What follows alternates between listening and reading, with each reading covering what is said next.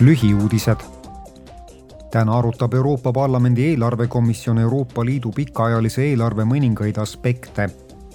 arutelul osaleb komisjoni eelarvevolinik Johannes Haan, kes tutvustab komisjoni ettepanekut struktuurse lahenduse kohta Ukraina rahaliseks toetamiseks kahe tuhande kahekümne kolmandal aastal parlamendiliikmed arutavad ja hääletavad ka parlamendi algatust eraldada solidaarsusfondist liikmesriikidele seitsesada kakskümmend miljonit eurot. Parlament soovib liidule eelarvet, mis peaks vastu ootamatult keerulistes olukordades.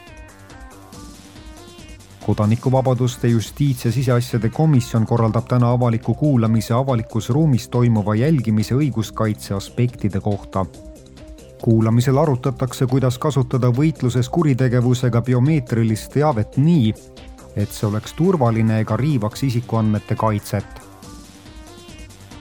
Parlamendi naiste õiguste ja soolise võrdõiguslikkuse komisjon ning parlamendi õiguskomisjon hääletavad täna ühiselt soovituse üle niinimetatud naissoost juhatuse liikmete direktiivi teise lugemise kohta.